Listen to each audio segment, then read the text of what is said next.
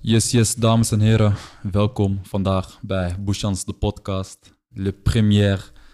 We zijn vandaag hier aan mijn linkerhand. Voor de mensen die niet kijken via YouTube, aan mijn linkerzijde heb ik hier True Fella. En aan mijn rechterzijde heb ik hier Tarek. Wat is Bouchans, de podcast? Om maar even aan te geven, Bouchans, de podcast is voor iedereen die gewoon thuis zit schoon te maken, de afwas zit te doen en even wat wil horen. Iemand die in de, in de file zit en even wat wil horen. Gewoon geen muziek of wat dan ook. Je wilt gewoon lekker een rustig gesprekje horen. Voor iedereen die gewoon eventjes aan het werk is en denkt van ik wil wat lekkers, een, een leuk eh, gesprek gaan horen. Daar is Bouchans, de podcast voor. En ik ben hier vandaag met deze twee gasten om maar meteen eventjes eh, met de deur in huis te vallen. Shroefella, hoe is het leven?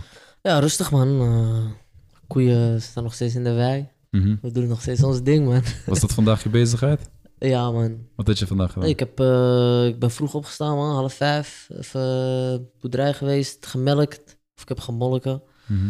Een paar koeien zijn bevallen. Ja, Een paar koeien. Een paar koeien, ja, man.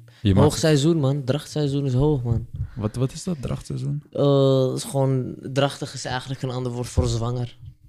Oké. Dus een zwanger seizoen. Je bent de eerste? Marokkaanse boeren Nederland. Eerste, en om het eh, nog beter aan te geven, de eerste Marokkaanse gediplomeerde in Nederland. Zo. Voordat iemand anders hem komt claimen. mooi, mooi. Aan mijn rechterzijde is Tarek. Volgens mij hebben ze jou volgegooid op Facebook en allerlei Ja. andere WL daarvoor. is uit de hand gelopen, dit grapje, man. Ja, man. Wat, Ik- Ik eh, begon in de Ramadan, toch? Met, eh, wat was nou ook weer? Met die Turk, met, met Turken had ik het er ook weer over. We waren in de auto. ja. En eh, wat gebeurt er nou? Ik, eh, we, we- we waren in de auto, we gingen richting huis. Ra- eh, Mag was aangebroken. Ja, we moeten eten, toch? Maar die Turkoematjes van mij, ja, die hadden geen eten bij zich. Ik ook niet. Dus die jongens komen met een sigaretje aan. Ze hey bro, verbreek je vast maar met tabak en water. Die boys, hey luister. Die Op die manier, op die manier verbreek ik mijn vasten niet. Dat kan niet gaan. Ja, Dat is onmogelijk, snap je? Dus zo, wat is het nou? Ik zeg die boys, als ik hiervan een TikTok ga maken, ik ga viralen. Ja, doe dan dit, dat. En stond ik had een TikTok gemaakt, was binnen 1 dag 200.000 keer bekeken. Zo. En later heb ik hem vanaf gehaald, weet heb ik hem verwijderd. Maar eh, vervolgens, ik weet niet, maar het, eh, het- ik vond het leuk. Ik word, op, ik word eh, veel gegooid op Instagram, Facebook groepen.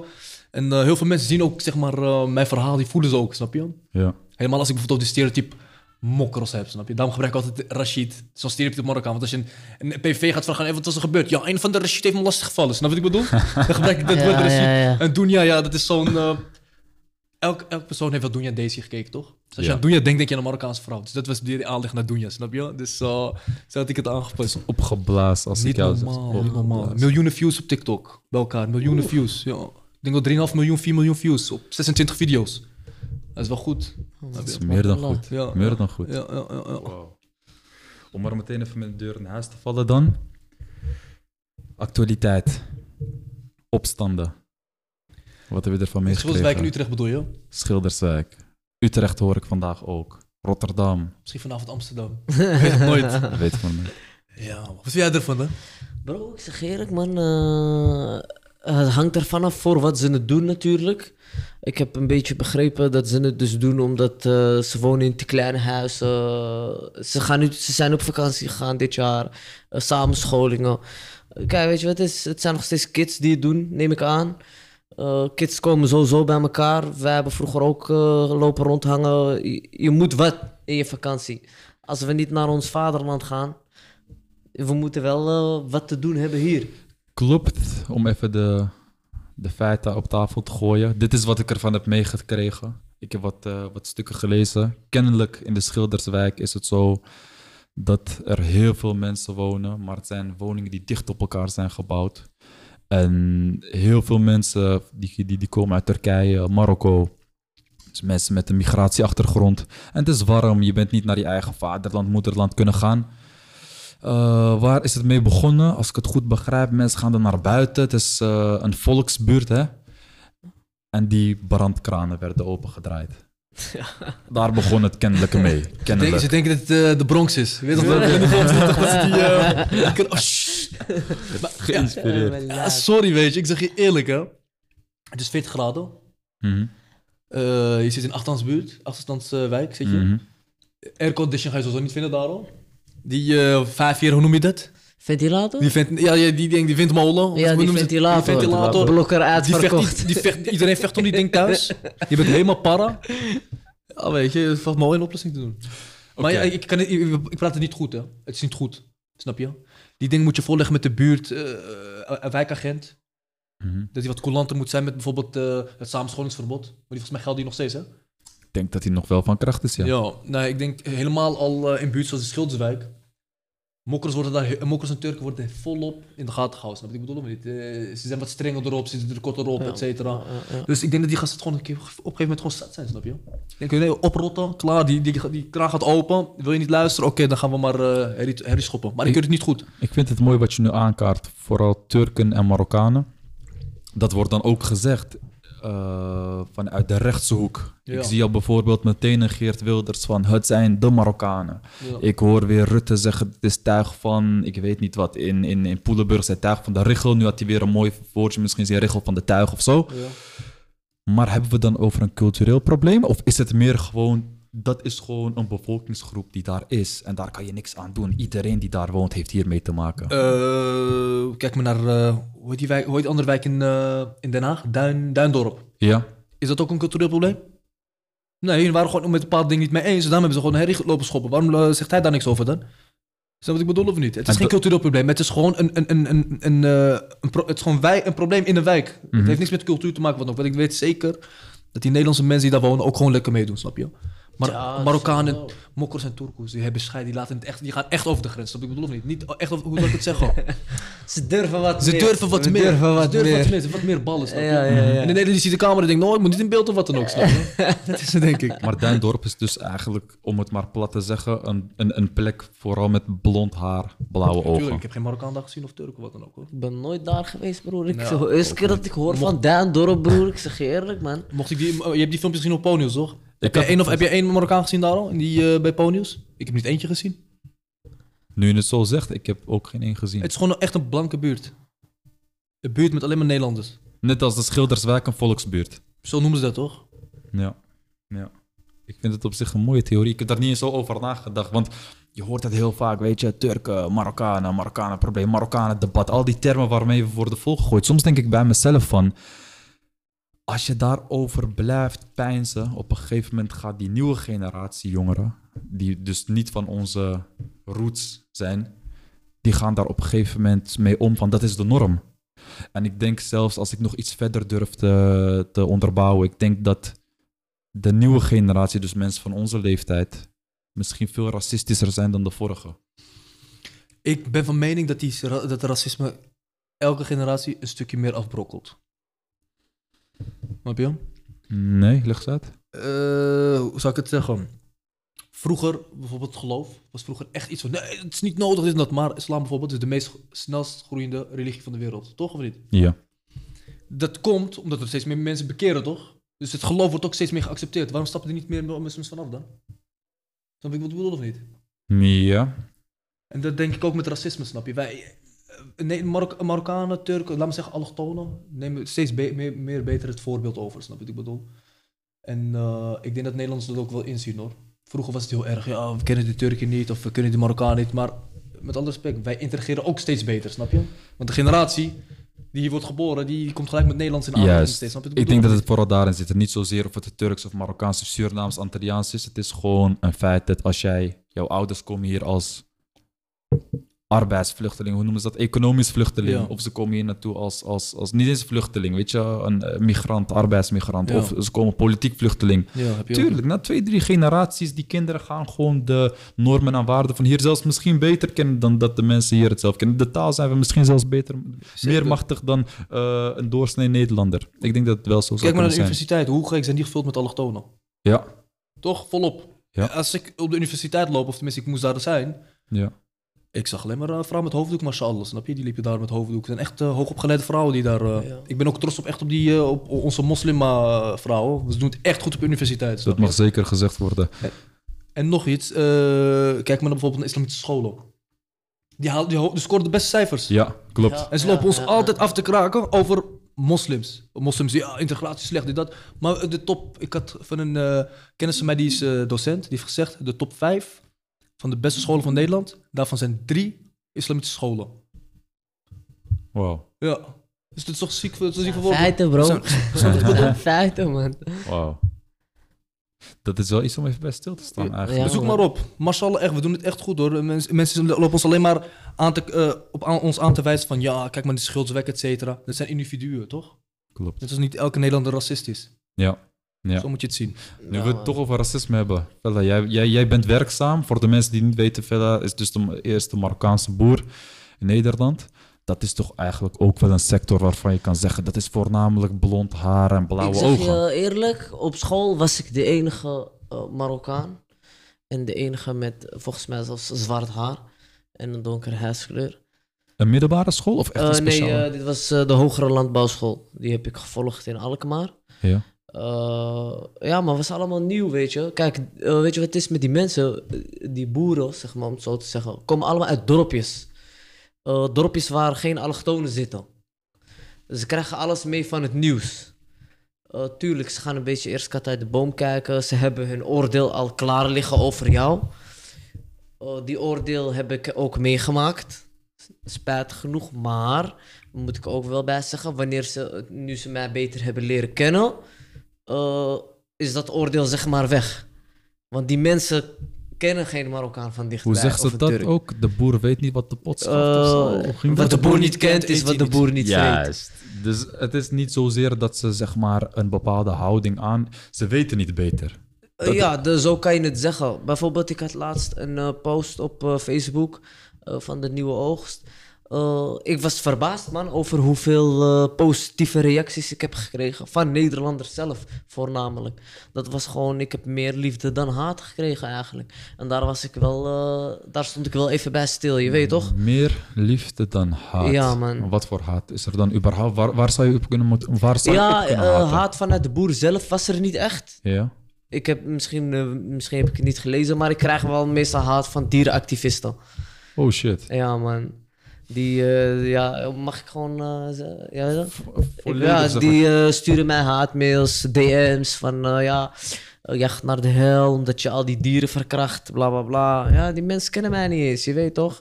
Dat ze me gaan opzoeken en voor mijn bedrijf gaan protesteren. Ik heb geen bedrijf, maar ik werk wel bij veel bedrijven. Ja. Maar gewoon zulke haat, man. Doodsbedreiging ook? Ja, ja, gewoon dat ze mijn keel willen doorsnijden en zo. Maar ja, als je Waarom? dier... Ja, Ah, bro. als je uit Amsterdam komt, ben je daar niet bang voor, toch? Nee, natuurlijk niet, wil broer. Kijk, weet je wat het is? Eh, Aan, aan de ene kant denk ik van, ik hoop dat je komt. is voor mij een nieuwe vlog, je weet toch? Dan kan ik laten zien wie jullie echt zijn. Bij deze... Nee, ik ga geen oproep doen. toch? Nee, nee, nee. Nee. Ze echt voor je deur staan. Ja, nee, voor mijn deur. ja, ze moeten helemaal niet voor mijn deur komen. Dan zijn ze sowieso de lul. In Amsterdam, broer. Nee, de buurt staat achter me, je weet toch? ja, man. Nee, eh. Maar komen ze wel eens naar de boerderij toe? Heb je dat wel eens gehad? Nee, nee, heb ik nog niet gehad. Kijk, ik ben ook pas begonnen. Ik ben nog niet echt viraal gegaan of zo. Maar eh, ja, als ik eh, die haat al aantrek, dan, doe, dan ben ik blijkbaar eh, goed bezig. Precies. Zo Bro, je bent ik toch zo goed bezig. Hoe oud ben je? Ik ben 22, man. Mashallah, zie je bro. Is toch niet normaal? Het is uitzonderlijk. Dat is echt uitzonderlijk. Ja, ja. En ik had nog, trouwens, ik had een van je vlogs gekeken en daar Ja. zei je ook van, of het was in een vlog, het was in een artikel, dat je zei van, mijn doel is om uiteindelijk terug te gaan naar Marokko en daar Ja, verder man. te gaan. Ja, ja, dat is eh, nog steeds een doel van mij. Is eh, om naar Marokko te gaan, om daar mijn bedrijf te starten. Dan kan ik ook gelijk, weet je, de omgeving kan ik banen creëren, eh, gewoon geld verdienen, man. Dus je wilt eigenlijk boer zijn in, In Marokko. Marokko, ja, man. Wauw. En dat heb je al sinds way back. Dat heb ik sinds de e- eerste jaar dat ik eh, had besloten om boer te worden. Ja. Was, dat is alweer eh, zes jaar, zeven jaar geleden. Had ik, had ik dat idee al. Ik heb ook stage gelopen in Marokko, een half jaar. Dus ik weet wel een beetje hoe het loopt daar. Dus eh, dat is uiteindelijk het doel, man. Weet je wat het enige weet van boer zijn? Dat ik vroeger op de basisschool mochten wij naar een lokale boer, mochten we op zo'n hooiberg mochten we gaan spelen en Ja, ja, springen. Ik weet ja. niet of jullie dat hebben gehad. Maar ik Ja. heb er vooral, ik heb totaal geen beeld bij wat je dan allemaal moet gaan doen, joh. Ik weet, even voor, voor de mensen die het niet weten, ik was vandaag met hem op WhatsApp. Hij zegt tegen mij, bro, ik zie je zo meteen, ik ben even bezig. Hij maakt een foto terwijl hij in een tractor zit. Ja, tractor. ik was eh, mest aan het pompen. Ja? Dus eh, dat mest moet dan op het land eh, gereden worden. Voor eh, de vruchtbaarheid van de planten, zeg maar. En voor de bodem natuurlijk.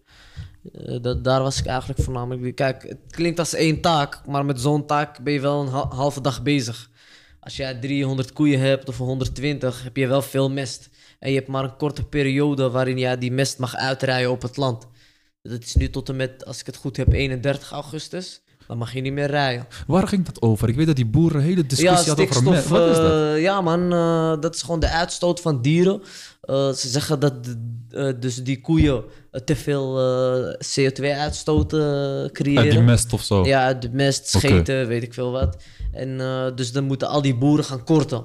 Maar ja, als je gaat korten op die boeren, die boeren hebben dan nog steeds dezelfde kosten. Maar ze krijgen minder geld, omdat ze minder melk, koeien melken, zeg maar.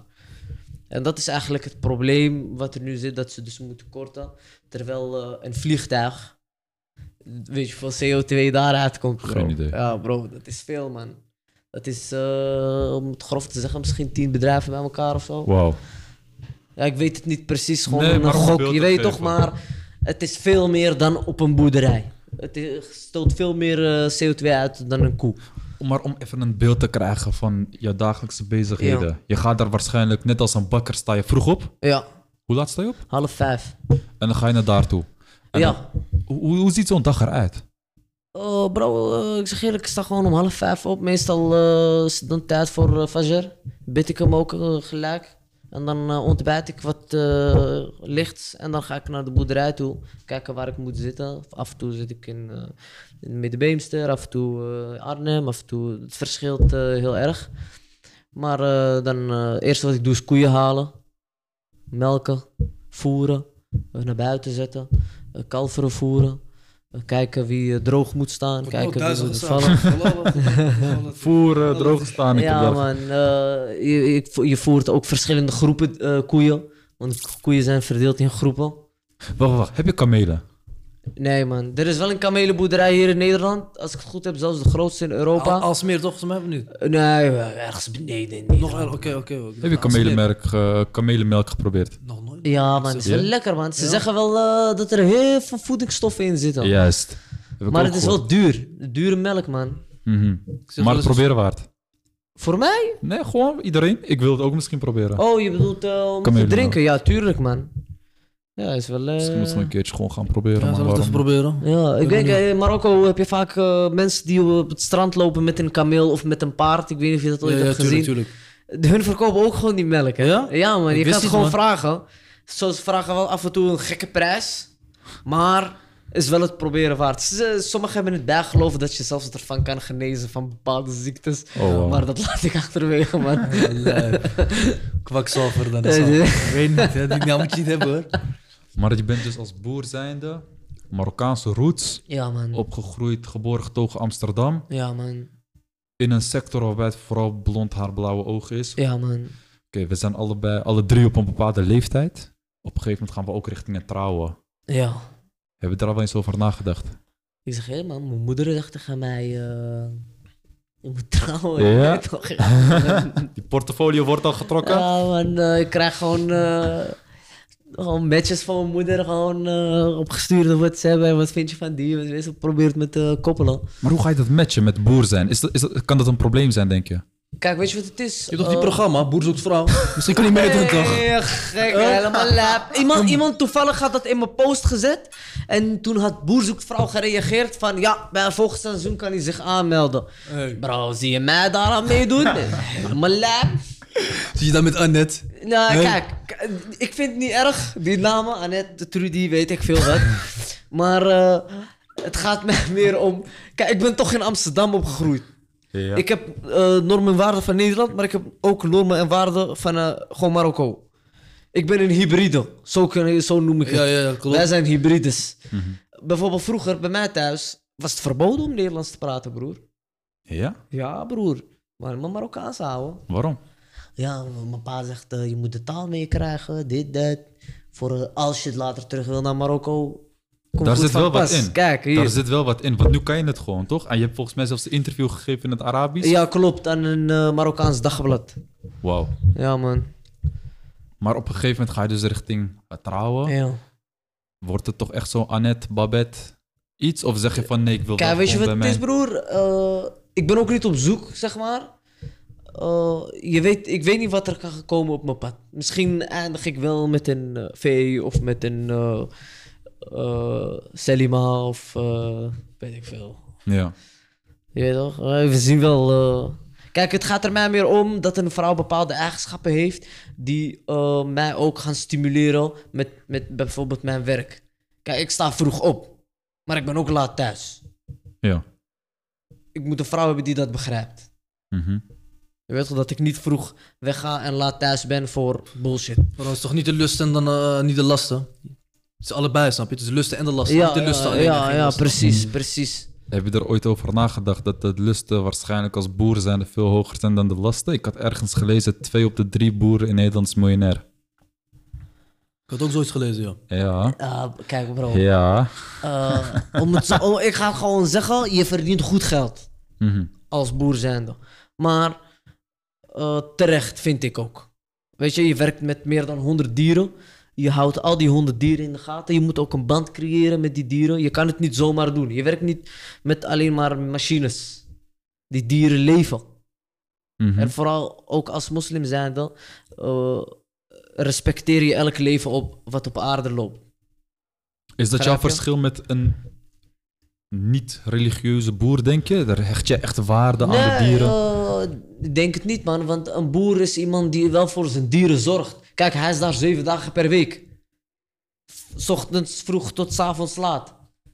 Dus een boer Als een zijn... eh, koe ziek is, sorry dat ik ontbreek. Als een koe ziek is, hij doet er alles aan om die koe weer beter te krijgen. Ik ken boeren die gewoon in de nacht opstaan, een wekker zetten om twee uur in de nacht om te gaan kijken. Is die koe bevallen? Heeft hij hulp nodig? Gaat het al wat beter? En dan gaat hij weer slapen, staat hij om vijf uur weer op. Is ook geen leven. Begrijp je wat ik bedoel? Nou, waarom geen leven? Als dat, als dat onderdeel van zijn leven is. Ja, dan- nee, het is onderdeel van zijn leven. Maar bijvoorbeeld, kijk, ik, eh, ik vind het wel leuk om te werken op een boerderij, maar ik wil ook een sociaal leven eraan overhouden. Mhm. Begrijp je wat ik bedoel? Ja. Dus als ik eh, bijvoorbeeld van half vijf tot en met acht uur eh, s s'avonds ga werken, wil ik wel na acht uur s'avonds vrij zijn. Oké, ik begrijp wat je bedoelt. Ik begrijp wat je... Tarek, zou je dat kunnen? Zo'n lifestyle? Lastig man, bro. Ik zeg je eerlijk, weet je. Ik, eh, ik ben best wel sociaal, perso sociaal persoon, snap je? Ja. En ik hecht veel waarde aan eh, mijn vrije tijd. Ja. Maar als jij, eh laten we zeggen, 12 uur in de week maar vrij hebt. Echt grap. eh, Gaat niet worden? Ik kan mezelf aan de hoogste boom, man. ja, weet je. Weet het niet. Dat is ook misschien ook dat met vrouwen... Dat je, dat je de lust en het last hebt, maar 12 uur zou waarschijnlijk niet worden voor ook met een vrouw erbij, toch? Kan toch niet, bro? Ik, weet, bro, ik respect als je het kan, hoor. Respect voor je toekomstige dat ze dit aan kunnen, hoor. Dat, eh Nee, maar kijk, broer, hebben weet je wat het is? Uh, bijvoorbeeld als ik mijn eigen bedrijf zou hebben, is voor mij makkelijk plannen. Je weet toch, je, je, je hoeft niet he- de hele dag bezig te zijn. Je hebt klusjes en dan maak je gewoon een planning voor die week van eh, bijvoorbeeld deze kalverhoeken eh mest ik vandaag uit, morgen spuit ik ze schoon in de ochtend.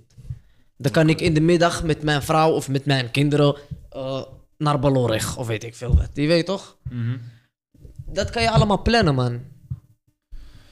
Ik zou het niet zelf kunnen natuurlijk, maar ik heb er onwijs veel respect voor. Dankjewel.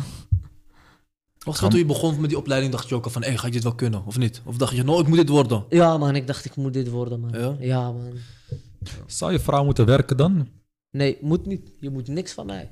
Dat is het. Vrouw kan werken. Ze mag werken. Maar het is niet, de vrouw mag niet werken. Nee, ze mag werken. Dat moet ze zelf weten. Tarek mag de vrou- vrouw werken. Bro, weet je, het is, we leven nu in een tijd, ja, weet je, we leven in een tijd dat het... Waarom lach je, bro? ik, ik verwacht niet Ik ben geen advocaat van de duivel. Ik ben juist advocaat. Niet dat vrouwen nu opeens zeggen, oh, oh, oh, waarom mag ik niet werken? Vrouwen onder druk. Nee, nee, gewoon oprechte vraag. Gewoon om het... Je weet toch, ik, ik, ik doe gewoon één, tweetje. Ik tik die bal nu naar jou toe. Ik ga je vertellen, bro. We leven nu in een tijd dat, dat vrouwen ook carrière maken. Snap je wat ik bedoel of niet? Zeker. Die maken, nu, die maken ook carrières. Ja. Die vrouwen gaan niet voor niks naar school. Ze hebben niet voor niks een studieschot van 30.000 Ja. euro opgebouwd. Snap wat ik bedoel? Ik ga die dit grootjes niet eh, voor de aftikken natuurlijk. Betaal die 15, eh, 15 euro gebruikt. Betaal 40 rug voor die bruiloft. en nog die nee. eh 30.000. Nee man, kan- ben ik min ton voordat ik überhaupt met haar leven ben begonnen. Dus met andere woorden, wat ik hiermee wil zeggen. We leven nu in een andere tijd dat vrouwen nu zeg maar eh, vaak ook heel ondernemend zijn. Zeker. Carrière willen maken. Ja. eh, hoge opleiding hebben gedaan. Zoals ik net al zei, eh, onze uh, moslimvrouwen zijn echt hoog opgeleid. Ja. Mashallah. En eh, daarom verwacht ik ook dat zij ook gaat werken. Zoals ik al zei, als, als het... Ik zou het zonde vinden als jij een diploma hebt En en je zou niet werken. ja, Snap je? ja, Je bent, je bent afgestudeerd als rechter. Of, Maar je eh, bent geen rechter. Maar je bent geen rechter. De enige rechter die je kent is de aanrecht. Ja, Snap je? ja, Snap je wat ik ja. bedoel? Dat kan toch niet? Ja, ja, ja. Dus zo, zo zou ik het eh, bekijken. Maar, maar je zegt net, eh, bruiloft 40 doezoe, zou je hem tikken? Nee, man. Hé, hey, bro, dat is haram, man. Als ik, maar ik zeg je eerlijk, ik ga niet tegen jou liegen, bro. Als, het financiële, als ik de financiële middelen zou hebben, Ja. om zo'n bruiloft eh, te gaan, eh, te eh, zo'n bruiloft te gaan organiseren, dan doe ik het wel. Dan wel. Wat zou je maximaal geven voor bruidschap? Bruidschat. Eerlijk? Weet je, het is bro. eh, eh, mensen doen nu alsof het een handel is of zo. Hè? Dat vind ik Ja. wel erg homo. Ja, bepaalde ja, klopt. van, hey, eh, ik geef jou, eh, geef me maar 20 kop of zo, weet ik veel wat. Nou, Kan 20 toch niet? kop. Het is geen handel, het is geen Wat mensenhandel. uh, voor de zij mensen, van die, Taula. de mensen die hier niks van begrijpen, zeg maar islamitisch slash cultureel, is het dus dat als je een vrouw de hand komt vragen, dan is het dat je een bepaald bedrag geeft van mocht het gebeuren dat zij gaat scheiden, dan krijgt zij dat bedrag. Maar los daarvan is er dus kennelijk nog een ander bedrag dat ze al vooraf gaat krijgen, toch? Dus je hebt eigenlijk twee bedragen waar we het over Kijk, het hoeft, het hoeft Ik, ik, geen... ik stel de vraag. Het hoeft geen bedrag te zijn. Kijk, bijvoorbeeld Hoeft ik geen al- bedrag te zijn. Bijvoorbeeld ik al. Eh, Sorry, maar, maar van mij krijg je dan een koe of zo of twee. Bro, een koe is 15 barkjes gemiddeld. Hè. Het is gewoon ehm, of tussen, tussen de 1500 en 2500 euro. Je, je moet al blij zijn met één koe, vind ik. Bij mij, als je met mij gaat leven, heb je een abonnement voor cabaretier, snap je? Je gaat de hele dag met mij lachen. snap je? Dat gaat je hele leven al zo, zo uit de Eh, die 20 gaan, ruggen, die 30 geven mij gratis erbij, hoort bij het pakket, Snap je? Maar mijn bruidschot, ik zeg je eerlijk, hij mag max bij mij 5 ruggen denk ik wel kosten. Oké. 5 ruggen, dat zou ik wel... Want ik heb gehoord... als het lijkt op mensenhandel. Snap je? Dat vind ik, dat vind ik me zo genaaid. Dat ik 10 ruggen voor een vrouw, kom op man. Weet je wat ik één keer heb gehoord? Er net zo goed bij laat... Nee, no, maar je weet toch? Weet je wat ik een keertje heb gehoord? Dat, eh, dat de vader zei van ik wil dat, ze- dat die eh, zoon eh, een surah leert, een hoofdstuk van de Koran leert. Mashallah. Maar weet je welke? Surat al-Baqarah. Een hele ja. Hele, hele, hele- Hij zei van als je echt de moeite wil doen, dan ga je elke dag daar... eh, als jij daar de moeite voor kunt nemen, dan kan je ook de moeite nemen voor, eh, om, om mijn dochter zeg maar als, ehm als ruggengraat te Bro, hebben, dat is maar. toch beter dan 10k? En je krijgt nog hasanet erbij dat je Surat al-Baqarah hebt geleerd. Tuurlijk. Daar zit, daar zit echt wel... De vader heeft daar waarschijnlijk ook op die manier over nagedacht. Van, ik gun het jou sowieso al, maar ik wil nog even die extra blessing hebben. Doordat je dat ook nog leert. En het geeft ook aan dat je als man zijnde de moeite durft te nemen. En oh, ja, het is, een, het is een manier van strijden Ja, voor een vrouw. ja. Toch? Sommigen doen dat met Het is geen pronken. straf hoor. Nee, nee, straf. nee, nee, Je hebt alleen absoluut niet. blessing dat je, dat, je zo'n schoonvader die jou dat aanbiedt. Snap je? Maar nu, nu kaart hij iets moois aan. Vrouwen ontwikkelen... Nou, ontwikkelen... Vrouwen ontwikkelen sowieso, sorry. Ik moet echt letten op mijn woorden voordat ik zo meteen feminist achter me aan krijg. Maar wat ik bedoel is, vrouwen maken steeds meer carrière. Ja. Wat als jouw vrouw op een gegeven moment meer zou verdienen dan jij? En nog meer dan dat zelfs? Misschien dat ze zoveel zou verdienen dat ze zegt van... Schat, lieverd, je hoeft niet te werken. Doe jij het huishouden? Moet je geen tweede keer tegen me zeggen hoor. Huh? Zie dat voor joh? Schat, ik verdien twee ton in de week. Blijf maar slapen. Grap. Nee, niet slapen. Huishouden. Nee, nee, nee, nee dat gaat niet Kinderen in de gaten Nee, nee, houden. dat gaat niet worden. Nee, sorry. Koken? Nee, doe normaal. Was draaien? Nee, even, even normaal man. Wat, geen wasdraaien? Nee, doe even normaal man. Nee, man, Hij is gek. Die vrouw, kijk, ik, heb, ik zeg je eerlijk. Ik kom met een huishouden waar ik niet veel had hoeven doen, snap je? Ik, hoef, ik, ik kan wel koken, Ja. maar eh, de wasdraaien, de deed ik als mijn ouders bijvoorbeeld weg waren op vakantie of wat dan ook. Maar eh, de wasdraaien uit mezelf, omdat mijn vrouw bijvoorbeeld, ik denk niet dat het zou doen eerlijk gezegd hoor. Ja, maar dat is wat anders. Kijk, dat zou ik ook... Kijk, ik draai de was al... Want ik woon al een tijdje op mezelf, een paar jaar. Ik draai de was voor mezelf al een paar jaar. Maar als ik een vrouw zou hebben... Ik zou je zeggen, man, ik zou er meer lak aan hebben, man. Ik weet niet.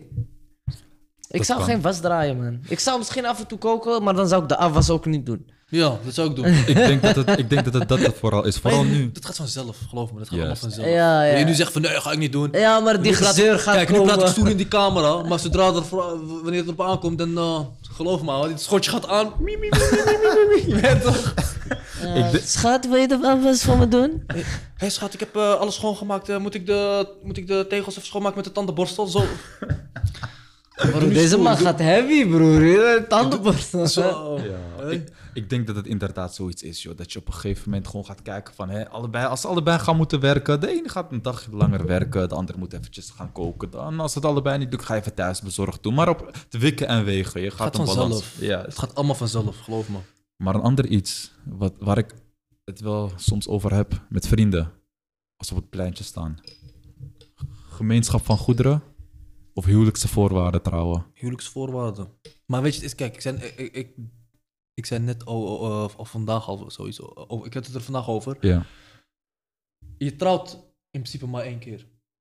Toch? Ja. Dat is, jouw, dat is jouw doel. dat is je doel. Dat is je doel, want eh, je gaat niet zomaar trouwen.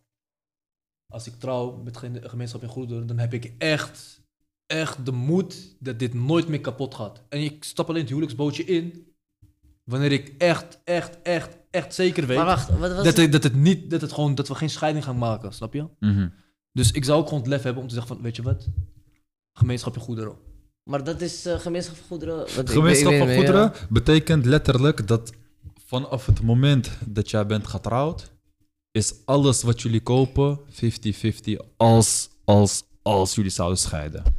Kijk, En nog een kleine correctie. Ik weet dus niet precies hoe dat zit voor alle dingen die je al had voordat je in, het, in die love boat zou gaan. Maar ga ervan uit, vanaf het moment dat jij je handtekening hebt gezet bij de gemeente, Ja. alles wat je daarna koopt, huis, auto, maakt niet uit, is 50-50. dan, dan moet alles, wanneer je op dat moment gaat, iets gaat kopen, moet je daar 50-50 voor betalen. Hij zegt het ook, vrouwen maken carrière in deze tijd.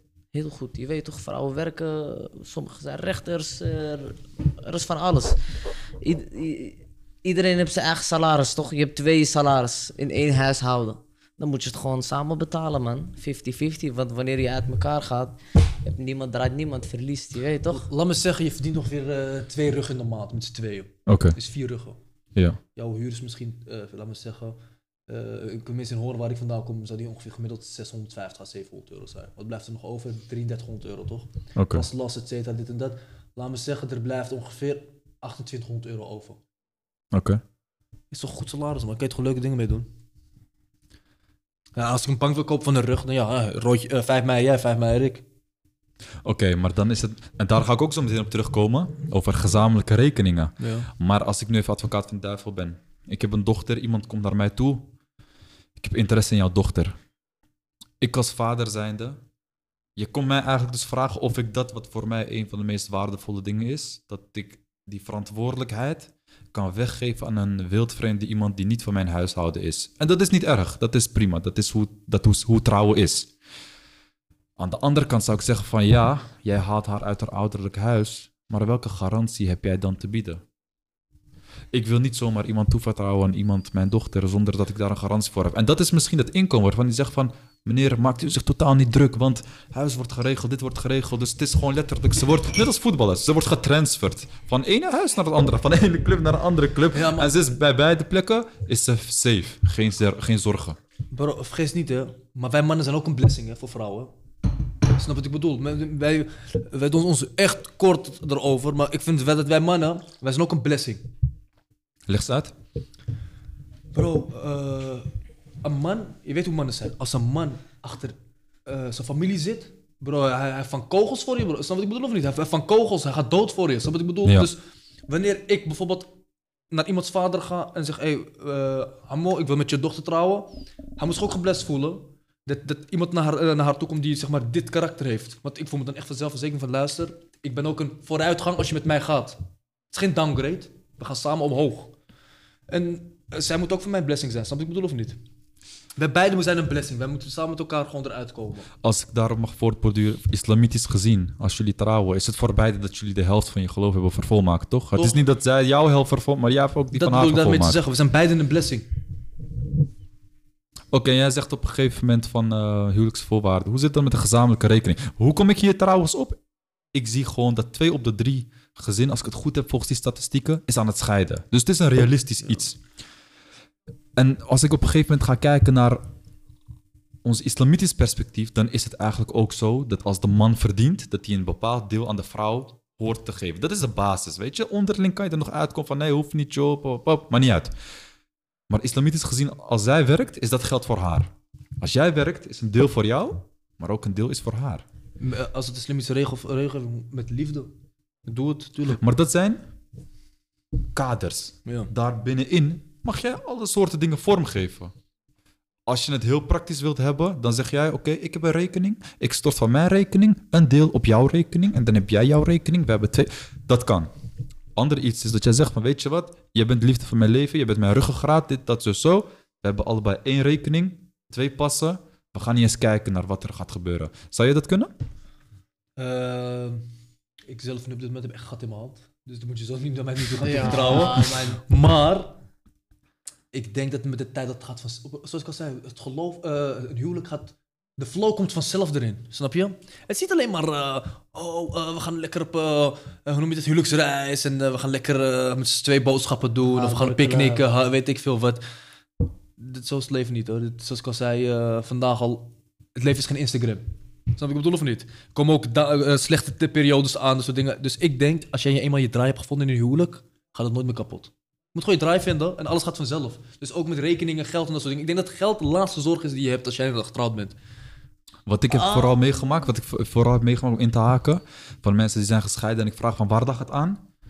Het lag nooit aan de grotere onderwerpen, het lag altijd aan de kleine onderwerpen. En die dingen bouwen op en dan op een gegeven moment komt er een ruzie en dan komen al die kleine dingen vormen. Net als alle kleine zandkorrels vormen een, Een zand- steen, Een steen. steen, een Ja, steen, klopt. precies. En dat slaat er zo hard in. Bij een ruzie ga je op een gegeven moment diegene heel anders zien en daardoor gaan ze Er is, scheiden. er is één daad die Allah niet haram heeft gemaakt, maar het maakt hem zo boos en het is scheiden. Scheiden is echt, eh, het, het, het is niet haram, maar het maakt Allah echt boos. Echt, eh, de, de, de, de daad die hij het meest haatte, maar niet haram heeft verklaard. Hoe ziek is die? Het ligt dus eigenlijk, eigenlijk wordt de verantwoordelijkheid aan ons gegeven van zorg ervoor dat je eruit komt. communicatie, klaar, meer niet. Je moet je drive vinden, klaar. Ik ben niet- nooit getrouwd geweest, ik ben ook nog, nog niet van plan te trouwen. Maar eh, bro, kom op, maar je weet het, je weet hoe wij, wij, deze generatie wordt om de snelste dingen, wordt, om de kleinste dingen worden ze geïrriteerd, boos, dit soort dingen. We hebben geen sabber. Kijk naar onze ouders. Die hebben echt sabber. Hè. Die, komen uit, die komen uit een heel ander land. Kijk wat voor sabber hun hebben. Ja. Snap je? En wij hier ook krijgen alles. Bro, we zijn echt verwend hier, hè? vergis je niet. Hè? We moeten misschien veel doen, erachteraan gaan rennen, dat soort dingen. Maar we zijn best wel verwend hier in, eh, in Europa. We hebben het goed We hier. hebben het goed, alhamdulillah. Onze ouders hebben alles moeten opbouwen, et cetera, et cetera, et cetera, et cetera, et cetera. En, en ze klagen nog steeds niet. Snap je wat ik bedoel? Dat is de mentaliteit ook van die generatie, hè? Echte, echte, echte soldaten. Echte soldaten zijn dat. Daarom, ik heb, ik, ik heb ook heel veel respect voor eh, eh, onze genera- de generatie van onze ouders en die daarvoor. Hey, bro, De gastarbeiders. toppers. Het zijn echt toppers, man. De weet je? vluchtelingen. Eh, ik zag Salah Dini zag ik een filmpje eh, opnemen dat hij een compliment gaf van die ouderen. Die oude gastarbeiders. Hij zegt, ik word blij als ik jullie zie. En ik voelde hem echt, hè. Want ik zeg je eerlijk, als ik die oude generatie zie, ik word gewoon echt oprecht blij als ik die mensen zie. hè. Wat een toppers zijn dat, man. Land helemaal achtergelaten, dit, dat. En alsnog een leven opgebouwd. Hé, hey, petje af, hoor. Zeg eerlijk. Heb je nooit dat je, als je soms teruggaat naar vakantie, naar je moederland, vaderland, dat je dan kijkt en dat je bij jezelf zoiets hebt van: oké, is prima voor vakantie, maar ik zou het nooit gewoond kunnen hebben. En aan de andere kant denk je bij jezelf van: wauw, ik heb respect voor mijn vader, Ja, mijn moeder, dat man. ze dit alles, weet je, familie, alles is er. We hebben een warme cultuur en dan ga je weg naar een land dat is vreemd, je kent de taal niet en je staat meestal al meteen 1-0 achter en dat je denkt van: wauw. Dat kan, ik kan mij niet eens voorstellen dat, dat ik die stap zou nemen in mijn Nou, leven. Die erkenning, ik zeg je eerlijk, die... Kijk, ik zelf ik vind zelf dat ik hem te weinig doe, die erkenning aan onze ouders geven. Aan mijn ouders. Snap je? Maar hun verdienen echt... hoor. Een standbeeld is niet genoeg. Snap je wat ik bedoel of niet? Hun horen gewoon een eigen, eigen straat, hele wijk met hun, naar hun vernoemd te zijn. Zo erg is het weet je wat ik ook vind? Dat, ik weet, ik, volgens mij is dat er niet eens. In Nederland heb je allerlei soms standbeelden en statuten. Ik vind dat er ook gewoon een standbeeld moet komen van een gastarbeider. Ja, man. Ik vind dat ook. Ja. Misschien is dat wel iets om op de... ka- hey, jongens, ik zeg je eerlijk, er moet misschien wel een petitie daarvoor staat. Goed dat je het zegt. Het zou kunnen. Want wij, of tenminste onze ouders, onze voorouders, die hebben zich de tyfus in gewerkt. Snap je? Die zijn nog steeds ziek, die hebben nog steeds rugklachten. En dan gaan die PV'ers zeggen van ja, jullie zijn gelukszoekers. En vuile, vuile PV'ers als je er rondloopt. Ja, dan we, hebben moet je, je, we hebben je geholpen met het opbouwen van de je. Dan moet je langs het stadsarchief gaan, hier in Amsterdam. Dan zie je ook de beelden van vroeger. Dat is van mijn familie ook overigens. Mhm. Die ook als gastarbeider zijn gekomen. Die zijn gevolgd door een fotograaf slash filmregisseur. En die heeft mijn familie gefilmd vanaf dag 1 tot en met nu. Hmm. Wauw. En al die foto's en video's staan ook in het Stadsarchief. stadsarchief. Ziek, hè? Voor de komende twee eeuwen. Maar wat, maken ze, wat zie je daar bijvoorbeeld? Wat maken ze mee?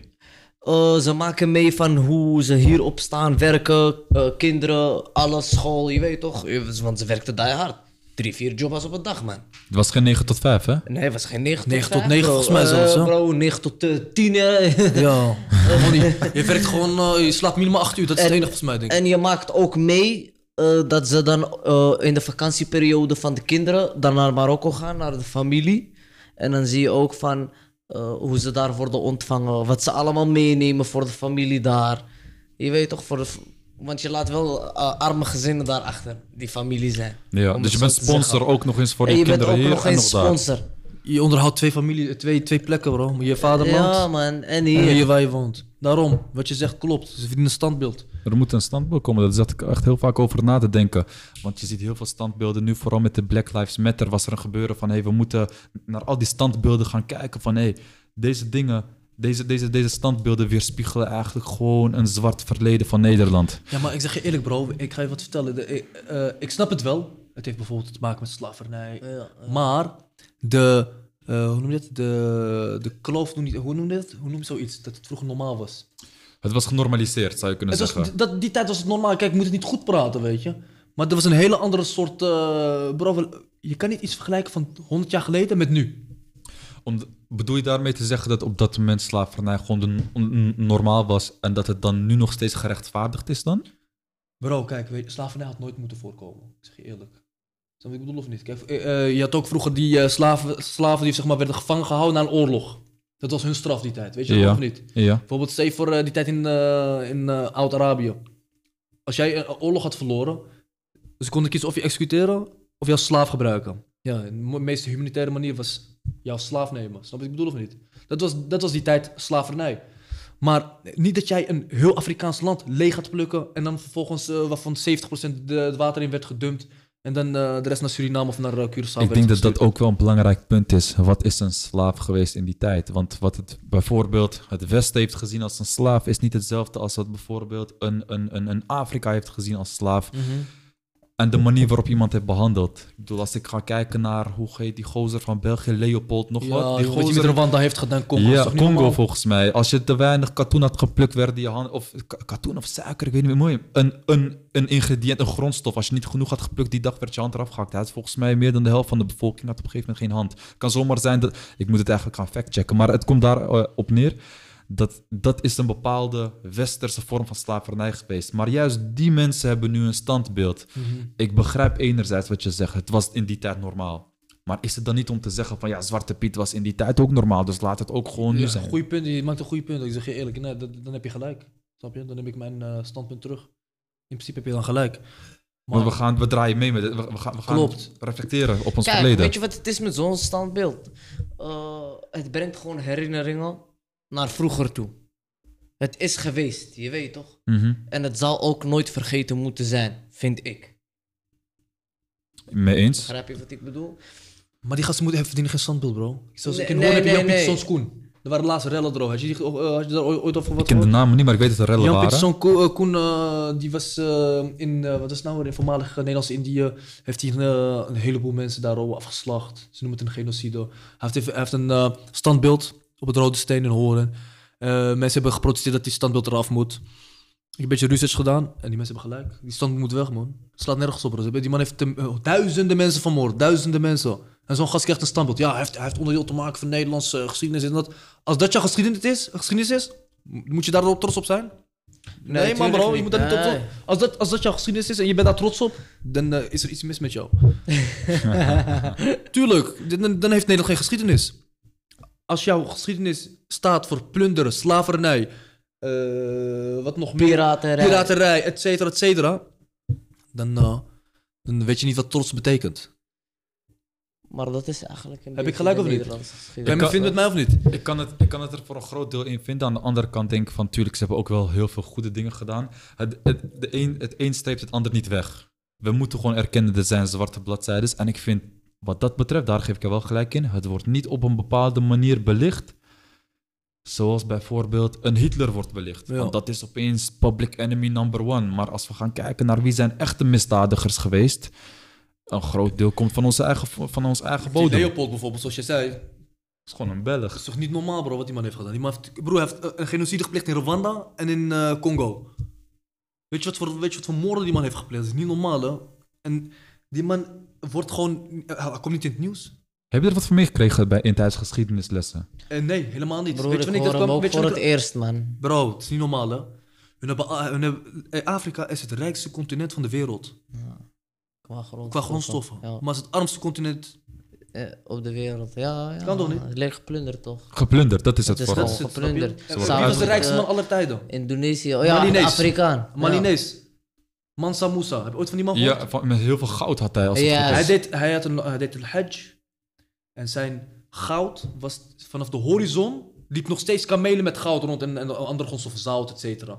Wow. Zoveel geld had die man. En ze zeggen ja, hij had ongeveer 400 miljard. De echte wetenschappers, weet je wat ze zeggen? De echte geschiedenisgeleerden. die zeggen: het is niet te bevatten hoeveel geld die man heeft. Waar is het goud nu dan? En goud gaat niet weg. Het, het, het, het, is- het verdampt niet of iets. Snap je? Waar is het goud nu dan? Leg mij dit even uit. Nooit zo over nagedacht. Nooit zo over nagedacht. Ja, bro. eh, ik kan niet zeggen waar het zit. je toch? Maar als, oké, nu, ik maak een zijstap. We hadden het dus onder andere over slavernij, Ja. racisme, et cetera.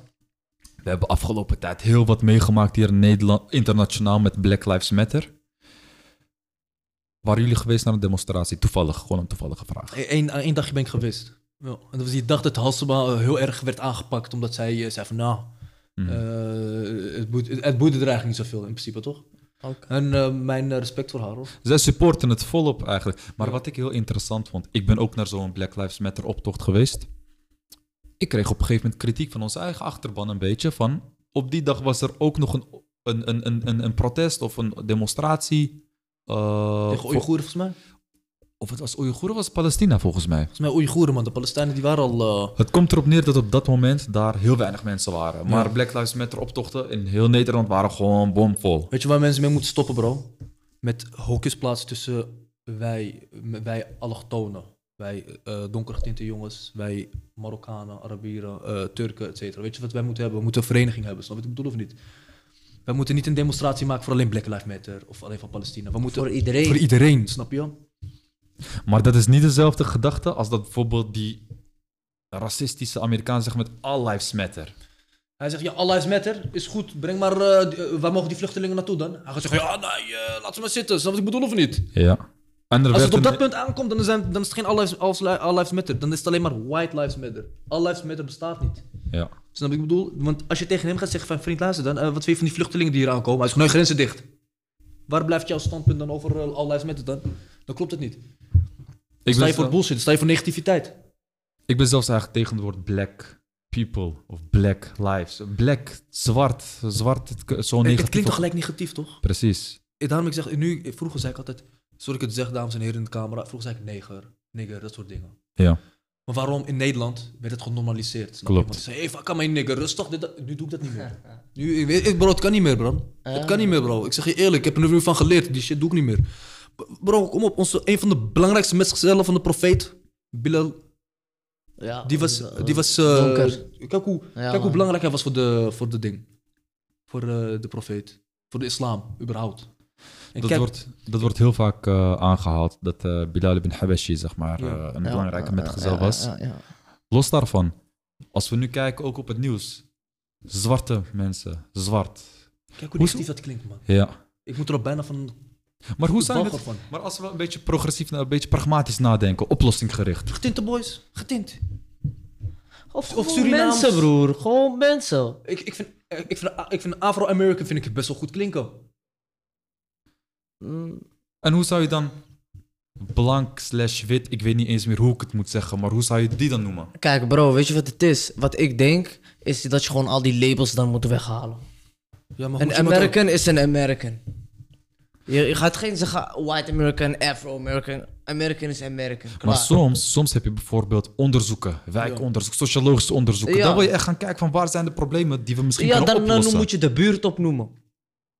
Nee man bro, dat is, dat is hoofdpijn. Geloof me. Dan, dan, dan is nieuws ook niet meer eh, te volgen. Nee, bro, bijvoorbeeld, eh, ze doen een social studie hier in eh, Amsterdam-Oost. Ja, in Amsterdam-Oost hebben we dit en dit en dit gevonden. Je hoeft toch niet te zeggen, de allochtonen in Amsterdam-Oost. Er wonen toch ook gewoon witte mensen? Ben ik niet mee eens. Waarom? Er was eh, meerdere onderzoeken waaruit is gebleken dat mensen met een allochtoonse achter- en voornaam bijvoorbeeld minder snel aan de bak komen. En dan gaan ze kijken wat voor namen zijn dat, want dat zijn geen Braziliaanse namen. Nee. Dat zijn Turkse, Marokka Arabische namen, zulke namen zijn het meestal. Maar dan moet je ook zeg maar het beestje bij het naam noemen. Dan moet je ook zeggen mensen met een eh, Turkse of een Marokkaanse of een, of een, of een eh, Albanese. Albanese ja, maar eh, je vraagt achtergrond. een oplossing tegen die labels. Dit is voor mij een gewoon- oplossing. Zij mogen gewoon zeggen Marokkaans bro. Het moet niet, zoals ik al zei bro, het, mag niet, het moet niet doorslaan. Snap je? We moeten niet op, op alles worden, we moeten niet op, op alles op, op zijn pikkie worden getrapt. Snap je? We, we zijn gewoon, eh, hoe noem je dat? We moeten, toch- bro, we moeten toch herkenbaar zijn? Snap je wat ik bedoel of niet? Ja, aan de andere kant heb ik het wel eens met vrienden erover van... We hebben het hier best wel goed, maar soms denk ik bij mezelf van heel eerlijk. We kunnen eerlijk zijn. Nederlanders zijn best wel tolerant in vergelijking met onze eigen mensen. Als wij het hebben over... Er, worden hier, er zijn hier bijvoorbeeld moskeeën waarbij een minaret gewoon met een luidspreker gewoon oproept dat het gebed mag doen. Soms denk ik bij mezelf, in onze eigen landen... Stel, er komt een een stroom aan gas daarbij, dat is politiek vlucht, maar niet uit. In het begin wij gaan ze islamitisch natuurlijk zeggen van, weet je, alle deuren zijn open, allemaal mensen van God, pop, pop, pop. Ja. prima. Twee, drie, vier generaties later, laten we zeggen, ze zeggen opeens, eh, ik ga nu een mooi contrast doen, ze willen vol synagoges hebben. Ja. En ze zeggen op een gegeven moment, een generatie later, we willen op een gegeven moment de Jumbo en dit en dat, willen we ook onze eigen schappen hebben. Dat kan dan nog wel ergens commercieel gezien, maar op een gegeven moment gaan ze nog een stap verder en zeggen ze, we willen ook luidsprekers op die synagoges hebben. Nederlanders laten daar heel veel toe. Ja, maar Marokko ook. Wij hadden vroeger kapot veel Joden. Ja, en hoe? Wat weet je hoeveel Joden wij hadden? In de stad waar ik vandaan kom, Ja. in Marokko, de helft was Joods. Eh, bro, uh, Chefchaouen is, nog- is een Joodse stad. Weet je waarom? Weet je waarom ze. Weet je hoeveel. Ik denk, ik denk wel 30% van de eh, etniciteit van Israël is Marokkaans. Hè? Ja, nee, meer dan 30 procent. Dat is niet normaal, hè? Dus weet je hoeveel Joden daar wonen? En Joden zijn altijd met respect behandeld. In het, eh, luister, dit. Ze hebben ook feestdag hè, van ons. Me Memuna. Ja, Mimuna, klopt. Mhm. Dan Bro, kregen ze de brood. Wereldoorlog heeft eh, Hitler gevraagd aan Marokko van ja, wil je je Joden uitleveren? Weet je wat de koning heeft gezegd? Wij hebben, wij hebben, eh, wij hebben geen Joden om ze te beschermen. Maar dat is natuurlijk dan meer een politieke statement. Waarom? Zo van, wij zien ze als Marokkaan.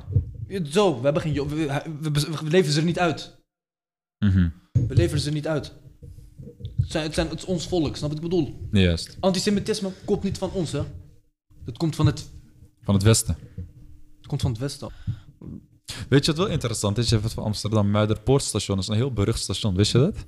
Dat is, de, sta- dat is het station waaruit al die Joden vanuit Amsterdam en omstreken werden daar verzameld. En gingen ze met de treinen naar...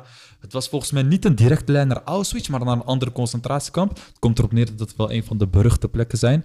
En je had volgens mij ook nog eh, lijstjes in het archief waaruit je kon zien hoeveel, eh, hoeveel gulden of wat je zou krijgen als je een Jood zou verraden. Gewoon Ja. bounty, bounty hunters zei dat. Ja. Snap je? Bro, ja, ik, ik, ik- ik denk dat misschien heel veel mensen, misschien als ze deze podcast zien, dat ze mij gaan zeggen van nee, je overdrijft nu. Ik durf te zweren dat het zo is. 100%. Er zit ik, zal, grote- ik, zal mijn, ik zal mijn mening niet wijzigen. Niet, niet, niet, niet, niet. Maar er zijn ook mensen die op de PV stemmen, niet op islamitisch eh, oogpunt natuurlijk, op die eh, anti-islam eh, dingen. Maar Ja. ook misschien op, op economische redenen. Zorg. zorg bijvoorbeeld. Want daar heeft hij wel een punt in. Want mensen in de zorg, eh, sorry hoor, maar die, wo- die worden echt misbruikt nu op dit moment. Ze Ja. zeggen dat eigenlijk zeggen ze altijd: je hebt linkse partijen en rechtse partijen. Maar wat mij is geleerd door een hele interessante docent. Hij zei tegen mij: je moet het niet zien als een rechte lijn, je moet het zien als een rondje. Want links en rechts komen elkaar tegen op bepaalde punten als het gaat om zorg, om sociale dingen. Zoals de overheid moet er juist zijn voor jou. Klopt. Links en rechts is daar op een gegeven moment de verder links en verder rechts komen elkaar daar heel erg in tegen. Waar komen ze elkaar niet tegen? Dat is onder andere over migratiebeleid en dergelijke. Maar inderdaad, dat van de zorg ben ik het ook helemaal niet mee eens. En ik keek vandaag naar, eh, naar het nieuws. Eh, ik had het hier nog staan. Zorgpersoneel loonsverhoging, dat was een voorstel. Op een gegeven moment hebben ze gewoon letterlijk gezegd: wij hebben daar geen budget voor. Dezezelfde, in de- het was een paar dagen terug nog. PvdA had vervolgens aangekaart, we willen 50 miljard gaan steken in de economie naar aanleiding van de coronacrisis. En als ik het goed heb, was dat een vergadering van drie uurtjes. Er werd vergaderd over 50 miljard in drie, uurtjes. Maar voor zorgpersoneel zijn ze geen loons. Wat, wat krijgen ze wel? Eh, Sorry, hoor, maar eh, als, als, als voor dat de demonstratie zat, ik zou ze joinen. Ja, Dit man. kan niet, bro. Ja. Ja, man. Dit kan echt niet, hè. Zeker. Die mensen, ik- bro, ik zie soms die vorm van die mondkapjes, die ze, ik zie gewoon vormen van in hun gezicht ervan, snap je? Ik bedoel of niet? Je ziet gewoon die lijn van het, van het dat je Ja, op die ja, mond- ja, ja, ja. Is toch ja, niet van normaal? Die zorgmedewerkers. Kan toch Ja. niet, bro? Ja, man. Achter een mondkuis Ze dat, man. gewoon lab overuren en respect, bro. Ja. Ik zeg je eerlijk, man, maar eh, ik denk wel dat ze wat meer verdienen dan eh, een kleine 1000 euro. Dat is wat ze dus nu zouden krijgen. Ze krijgen een netto bonus van 1000 euro omdat ze zoveel hebben gedraaid Dat in is- de coronacrisis. Maar dat is het enige wat je dan gaat Nee, krijgen. man. Normaal, man. Dan zou ik, Dat als, zo- als ik ooit als ik zorgmedewerker zou zijn, ik kreeg, zou alleen maar die 1000 krijgen. Bro, ik zou gewoon mijn uren draaien en gewoon naar huis gaan, man. Ik zeg je eerlijk. Dan ben je eh, als, eh, ja, hoe zeg je dat, de regering wel ondankbaar, man. Ik denk dat heel veel mensen daar eh, mee eens zijn.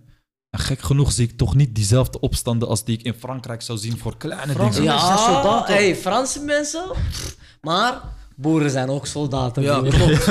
Hey. klopt. Ging Ging je met zijn op je... Ging je mee, ging je mee trouwens? Die Eh, vragen. eh, ik ben één keer meegegaan en ik ben ook gevraagd om één keer op een podium te staan binnenkort. Ik zweer, ik ga gewoon, man. Ik zeg je. Met tractor? Eh, Ja, met tractor. Bro. tss. Met de Marokkaanse vlag, hè? Ja, doen we ook er lekker bij, joh. Waarom Zo. niet? Hoppakee. Ja, man, broeder. Zorg. Ik weet wel dat een hoop mensen in de zorg toch wel van de. Dat ze een migratieachtergrond hebben, om het maar zo te zeggen. Dat heel veel mensen de zorg een migratieachtergrond hebben. En als ik het zo om mij heen vraag, wordt er ook wel eens gezegd van jullie, allochtonen, dat wordt dan zo gezegd, jullie allochtonen, echt waar, in de zorg? Toppers, echt toppers. Weet je waarom? We doen het met echte liefde, snap je? Het zit in onze hart. Je weet hoe wij on- onze ouders waren, of onze tantes of oma's. Snap je? Die doen het echt met passie, hè? Ze doen het niet per se voor het geld, hè? Maar ze, vinden die ouders, ze hebben ook oprecht bijvoorbeeld medelijden met je. Ze willen ook oprecht dat het Ze goed met je gaat. hart voor ouderen. Stel je voor, ze helpt een PV of wat dan ook. Ze doet het ook gewoon met liefde. Ze Ja, kijkt niet naar die label, wat dan ook. Ja, ik denk, ja, dat, een, ja, ja, ik denk dat ja, een PV gewoon moet halen. Ze heeft een hoofddoek op, ik weet het niet hoor. Ja. Liever niet. Die beeld ga je krijgen. Ja, doe eerst die hoofddoek af, anders ga ik je niet helpen. Denk je dat het komt vanuit cultureel perspectief of meer religieus? Of misschien allebei? Beide, beide. beide. Eerlijk, wat denk jij? Ik denk onwetendheid, man. Nee, maar ik bedoel die, die, dat, zeg maar, dat goedheid van ons wat wij hebben. Beide sowieso. Ik denk dat het ook eh, goed van cultuur is, man. Maar ja, als ik naar andere landen ga kijken, dan, eh, dan is het wel eh, met geloof. Ja, maar zo zit ik dan ook soms te kijken naar islamitische landen waarbij ze dienstmeisjes hebben in huis. Die dienstmeisjes in huis, die worden ook niet islamitisch behandeld. In islamitische landen. Om maar een voorbeeld te geven, zoals in Dubai. Hey Als- bro. eh, Maar dat zijn broer, sorry ik het hey, zeg maar. Maar mensen uit op, Dubai, dat zijn... ja, Ander, anders, zeg maar. Ja, man. Ja, sorry bro. Ja, als jij je... Als jij je... Je moet... Je, je werkster. Het is geen slaaf, hè. Je betaalt haar gewoon. Want- ik zie sommige films dat ze er slaan, dat soort Ja, dingen. ja. Paspoorten worden afgepakt. Ja. Dat kan je toch niet doen, bro? Kom op, Hey, man. mama is geweest naar eh, Saudi-Arabië ook. Bro, mama zegt, ik schrok. Wat voor racisme er daar gewoon rondloopt. Is ook lijp hoor. Ja. Ze zijn gewoon lijp racistisch tegen Marokkanen en tegen alles wat niet Saoedi's. Sa- Saudi is. Zo nationalistisch? Ja, man. Ik denk niet dat het nationalistisch is. Ik denk zij voelen macht. Want er is veel geld daar. Ik denk het niet, bro.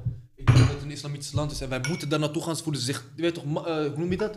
Eh, Ze hebben die machtspositie. juist. Dat je daar, dat ja, je daar komt. dat is het, joh. Maar bro, ja, ik, ik, vind- ja, het kan, kan dat ze zo, zich zo voelen. Maar uiteindelijk, eh, weet je, zo, ze moeten zich niet zo voelen. Want het is een islamitisch land. En wij zijn verplicht om één keer in ons leven daar naartoe te gaan. En eh Hajj is voor iedereen. Ja, Dus je kan je niet machtig voelen over een plek die gebouwd is voor iedereen. klopt. Begrijp je? Ik denk dat de bevolking ook niet per se meteen de meest heilige islamitische plekken weerspiegelt. Wat, Saudi-Arabië? Ik denk dat een volk dat in een bepaald plek woont, je, woont je bent daar geboren, je hebt Ja. niet gekozen om daar geboren te worden. Nee. Toevallig zijn het ook hele heilige plekken in een land. Ja. Ik denk dat dat niet meteen een heel volk zou moeten weerspiegelen. Nee, Nee, tuurlijk zeker niet. Zeker niet. Tuurlijk niet. Dan denk je dat daar geen zin aan gebeurt of wat dan ook. Het gebeurt allemaal daar, dan snap je ik Precies. Oh, joh, Dat ook gewoon de muren van. Mekka zie je de gekste dingen, broer. Tuurlijk. Je zou niet eens denken. Maar ja, die, ja, dat is zoals ook de wereld waarin we leven nu. Precies, precies. In de wereld van nu, waarin wij leven, je hebt een mooie quote gezet, waarin wij leven, is de situatie waarbij mensen worden doodgestoken en doodgeschoten. naar aanleiding van onder andere drill. Dat is wat vorige week was gebeurd, of was dat de week daarvoor? Weet je, Volgens mij vorige week was dat, joh. dat er een jongen was doodgeschoten. Ja, vijf kogels toch? Die, eh, Nee, volgens mij was Nee, ik op was- Scheveningen, toch? Scheveningen. Ik was daar, hè? Op de Was pier. Ik was daar op die, op die pier. Was je daar? Ik was daar. Het was afgesloten alles, man. Maar ik heb niet meegekregen wat er is gebeurd. Ik, was met, ik had met een vriend van me afgesproken. En ik zei, yo, yo, waar ben je? Hij zegt, yo, het is afgesloten. Ik zeg, ik weet niet wat er aan de hand is. En later, ik zie op eh, Snapchat, ja, oh, geschoten, dit, dat, eh, drill rappers onderling. Om, eh, oh, onderling of? Want ik had ook begrepen eentje... Drill rappers onderling, ze hadden ruzie met Dit is wat ik heb begrepen. Ik, wil het niet, ik ga ze geen podium geven. Er is een bepaalde formatie in Amsterdam en er is een bepaalde formatie in Rotterdam. Oké. Ik weet niet eens naar aanleiding waarvan de ruzie is ontstaan, maar ik denk eerlijk gezegd, als jij zeg maar in, dezelfde, in diezelfde sector opereert en je hebt allemaal fans, weet je, die, die, die trots kan op een gegeven moment een bepaalde concurrentiegevoel veroorzaken. Er hoeft maar een klein dingetje te gebeuren, waardoor er een ruzie ontstaat. Misschien niet eens een directe aanleiding, weet ik niet. Ik, ik ken het niet. In ieder geval, er is een ruzie geweest. Een van die jongens van Amsterdam is een dagje naar, eh, naar, eh, naar eh, Rotterdam geweest, naar, naar Scheveningen geweest. Dat was de dag daarvoor. Ja. En dat werd allemaal gesnapchat en dit en dat. Dat een van die jongens op een gegeven moment iemand wilde groeten. Maar hij zei van, sorry, ik ga jou niet groeten. Want ik ben met de jongens van Amsterdam. En jij bent iemand van Rotterdam. In, het een kwam het ander. Die gozer Door ruzie? Bro, Zoiets. En praat over, bro, sorry hoor. Eh. Die week daarvoor, of die, die maand daarvoor, zit je Black Lives Matter te schreeuwen. Juist. En dan ga je elkaar poppen. Waarom? Je komt niet uit dezelfde Eh, buurt. Hypocriet, hè, broer. Snap je wat Dat ik bedoel? Precies, dat dacht ik. Want ik was daar met mijn vuist in de lucht. Black Lives Matter aan het schreeuwen, brullen. Aan de andere kant zie ik juist dezelfde mensen. Soms denk ik bij mezelf van, maar bro, ik, zit, ik sta daar voor jou in de regen. Ja. Ik sta daar al voor jou. Met mijn Corona eh, te vangen voor jou. Precies, met mijn maskertje zit ik daar zo afstand te nemen Ja. van iedereen. Ondertussen zit je elkaar hier Te dood. poppen, te prikken. Ja. En er nog liedjes over maken. Ik heb shank op zak, shank op dit, shank op dat. Bro, een echte man, weet je wat een echte man doet? Een echte man gaat op, je, gaat op de vuist met je. Gewoon bam. Ba kom maar, één op één. Niet, Bro. niet niffie prikken schieten. Het Kom beste is vecht niet eens. Als het zover is, Als bro. je een man bent, moet je gewoon praten. Je moet volwassen, je moet gewoon praten, rust gaan. Dat zijn kinderen, bro, snap je? Kijk, eh, pubers moeten zich de hele tijd bewijzen. Snap je wat ik bedoel? Ze moeten zich de hele tijd laten zien van... Hey, kijk, zo ben ik, dit en dat. Ik leef die leven echt. Ja. Hé, hey, brada, je loopt met een mesje. Je doet alsof je een fucking eh, bazooka in je, in je tasje hebt. Doe, doe, g- leg je tasje neer, kom één op één als een man. Ga, ga, ga, ga op de vuist. Als die man verliest, ligt knock-out, klaar. Schoolpleinregels zijn dat, bro. Juist. Snap je wat ik bedoel? Niet doortrappen wanneer die is Je op de grond, dit. dit, dat. Nee, gewoon vuisten. Al, ligt hij, al zegt hij stop, stop, joh. Snap je wat ik bedoel? Dat is, dat is hoe je vecht. Dat is hoe je... old Dat is school, bro. de beste manier, bro. Ja, maar... Nu eh, jongens prikken elkaar omdat ze niet dezelfde liedjes luisteren. The fuck, man. Ja, is Het is vooral ook dat de het tijd waarin we leven, broer. Ja, ja, ik ben er niet blij mee, hoor. Ja, ik ook niet. Maar ik ja, hoorde wel eens die ouders zeggen, oh kijk, de jeugd van nu, dit, dat. Had het over ons, hè. Wallah bro, onze jeugd valt reuze mee, hè. Als je naar de kijkt, die generatie daarvoor, wat er nu rondloopt. ja. Ja, klopt. Want ik ben nog opgegroeid met het buiten spelen en vervolgens geen telefoon in mijn handen. Maar nu is het allemaal van als er een klein ruzietje op straat wordt dan meteen gewoon Snap. gesnapchat. En dan de volgende dag op school hoor je daar alweer over. En er worden fake accounts gemaakt en er worden foto's van elkaar geplaatst. Bij ons was het vroeger, ik ging naar Fox Kids kijken. Of ik keek naar, wat was het ook alweer? Ja. Jetix. Ik, bro, ik keek zelfs naar Wings Club. Ik weet niet of je dat nog kent. Ja, is te gay, bro. Was gay, dat mocht niet. No, man. Dit mocht ik niet kijken van die man. Ja, ik ook niet, hè, broer. Laaf. Maar je kent hem wel. Ja, Ja, tuurlijk. Powerpuff Girls. Ik heb daar zelfs een keer pak slaag voor gekregen. Dat voor. Powerpuff Girls. Ik keek dat wel, hoor. Dat zag je. Beyblade, ken je die nog? Ja, Digimon. Die- Jetix, Fox Kids. En. Cartoon Network, je ook nog- gratis ja, was. ja, ja, ja, Ja, Toen het nog hard was. Juist. Maar, ja. En daarna ging ik naar buiten, daarna ging ik naar buiten toe. Gingen we gewoon lekker pleintje voetballen. Bliktrap. Blikje trap. Op het, wat, wat was het ook alweer? Van Ja. mensen ruïneren, Ja, water gooien, oh. zulke deden wij. Ja, nou. En alles met een grote chipzak. Ja. Dat was genoeg voor de Je had hele een dag. euro, je had een 15 euro, je, je had een euro nodig en je zat de hele dag perfect. Ja, man. Ja. En nu, Iedereen kon chillen. nu boys krijgen allemaal druk bro, komt allemaal door social media. En ik hoop ook op een dag echt dat ik doorbreek met dit. Ik wil die jongens gewoon wakker schudden. En te zeggen van luister boys. Is het leven. Die leven die je ziet, zijn allemaal leugens. Allemaal leugens. Het draait niet om geld, merk. Het, draait niet, het, het leven draait er om geld.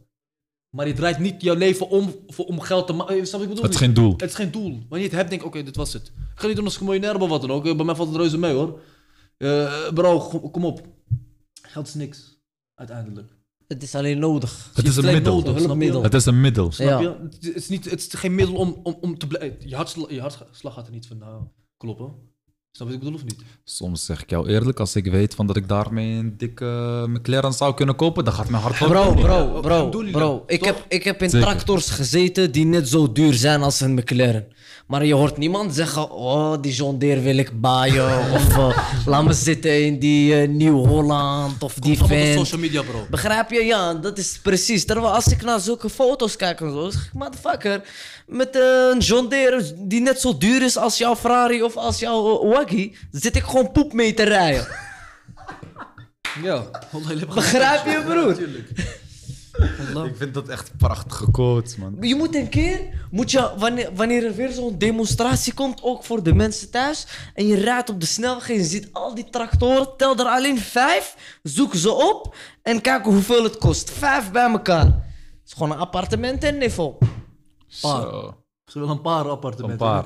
Nee, nee, vijf is misschien. Het, eh, hangt er vanaf ook. Als er vijf dikke rijden, meestal helemaal voorin rijden die dikke tractoren. Die grote met flessenhouders, scherm, Is dat ook zo alles. afgesproken, net als bij een stoet van de GLA's? Gaan hier, op de AMG's gaan daarop, op, op, en vooraan komen de dikste buggies. Bro, ik zeg je eerlijk, ik ben net pas betrokken, echt puur met, met, eh, met dit, met het demonstreren. Dus ik weet niet eh, hoe, hoe het precies in elkaar zit, maar ik weet wel, er gaan dikke trekkers die kant op. En we moesten eens weten wat voor bedragen dat zijn. En je moest eens weten wat voor bedragen dat zijn en waarvoor ze gebruikt worden.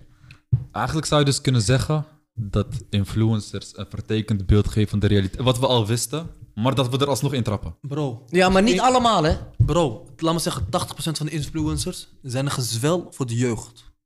Zo noem ik dat. Die, mo- die gasten mogen me haten, ze mogen niet meer met mij praten, maar het is gewoon zo. Snap je wat ik bedoel of niet? Bro, eh, ze lopen jongetjes van 16, 17 gek te maken dat een Rolex belangrijk is. Hé hey broer, weet je, wat ik vroeg, weet je wat ik vroeger deed, grapjes? Ik beet op mijn pols huh?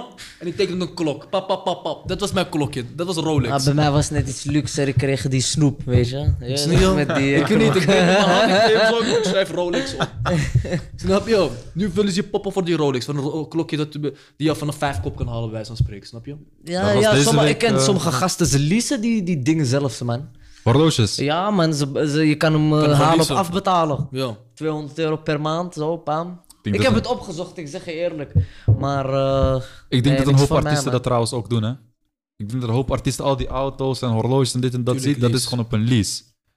Tuurlijk. Maar, ja, hangt ik denk dat ik ervan dat, af wat ik, voor ik zou dat ook doen hoor. Als ik, als ik veel geld zou verdienen en ik denk van weet je wat, in één keer 60, 70 rug van mijn rekening af. Of ik betaal per maand eh, een roodje en ik, dat zou ik ook dan doen. Kijk, maar weet je wat het is met een, eh, Ja. bijvoorbeeld een Rolex? Ik zou die wel in één keer gaan kopen als ik het geld had. Waarom? Een Rolex behoudt zijn waarde. Niet alle soorten allemaal, trouwens, hè? niet Niet allemaal. allemaal. Ja, de, ik, zou- ik, als ik een watje ga kopen, moet ik eentje kopen die zijn waarde behoudt. Stel je voor, het gaat ooit fucked up, moet die verkocht kunnen worden. En minimaal zijn waarde behouden. Als je nog slim gaat kopen, koop je nog eentje die met de waarde omhoog gaat. Begrijp je?